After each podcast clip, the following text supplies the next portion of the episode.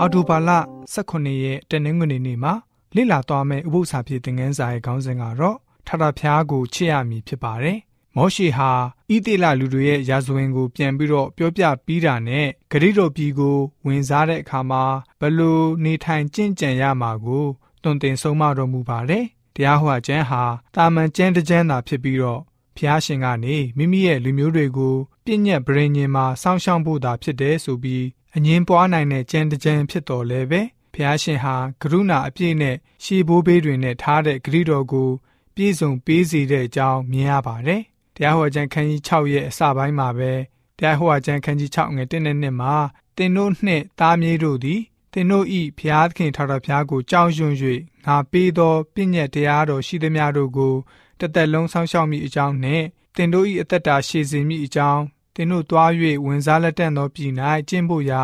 တင်တို့အားငါတွင်တင်စိတ်သောငါ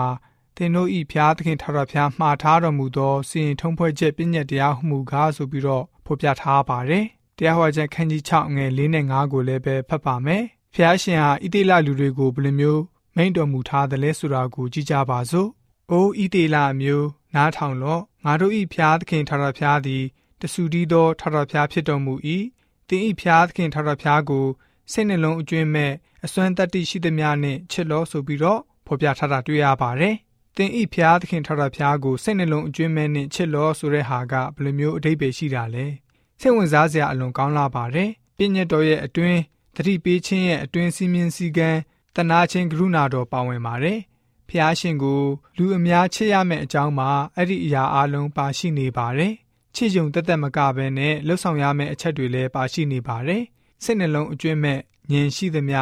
ခွန်အားရှိသမျှနဲ့ချစ်ရပါမယ်။အဲ့ဒီအရာအလုံးဟာ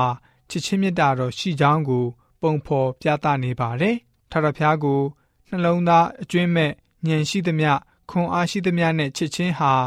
ကျွန်တော်တို့ချစ်မြတ်နိုးတဲ့အရာအလုံးရဲ့အထက်မှာဖျားရှင်ကိုပို့ပြီးတော့ချစ်တဲ့အကြောင်းဖော်ပြခြင်းဖြစ်ပါတယ်။အကြောင်းကတော့ကိုတော်ဟာ အရာအလုံးရဲ့အရင်အမြစ်အရာခတ်သိမ်းမရှိမီကလေးကရှင်းနေပြီးတဲ့ဖျားရှင်ဖြစ်တော်မူပါတယ်။ဖျားရှင်ကိုချစ်ခြင်းအရာဟာကျွန်တော်တို့ချစ်မြတ်နိုးတက်တဲ့အရာအလုံးရဲ့အထက်မှာထားရှိနိုင်ရပါမယ်။ဟေပြဲစကလုံးတင်ဤလို့ဖျားသခင်ကိုယဉ်ညွန်းတဲ့အခါမှာတင်ဤဖျားတင်ဤနှလုံးသားတင်ဤခွန်အားနဲ့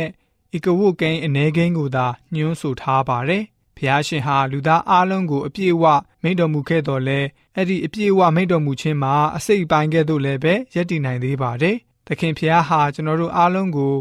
အလိုတော်ရှိနေတာကတော့ကြီးမားတဲ့ကိုခန္ဓာရဲ့အစိတ်ပိုင်းတိုင်းသူ့ကိုအတီးတီးတစ္ဆာရှိစေဖို့သာရှိပါတယ်။ဖျားရှင်ဟာကျွန်တော်တို့အတွက်အလုံးစုံကိုပြုခဲ့ပြီးဖြစ်ပါတယ်။ဒီတို့ကြောင့်ကျွန်တော်တို့အနေနဲ့လည်းပဲဖျားရှင်ကိုချစ်မြတ်နိုးပြီးတော့တစ္ဆာရှိဖို့ဖြစ်ပါတယ်ဆိုပြီးတော့ တနင်္ဂနွေနေ့ဥပုသ္စာဖြစ်တဲ့ငန်းစာကဖော်ပြထားပါတယ်။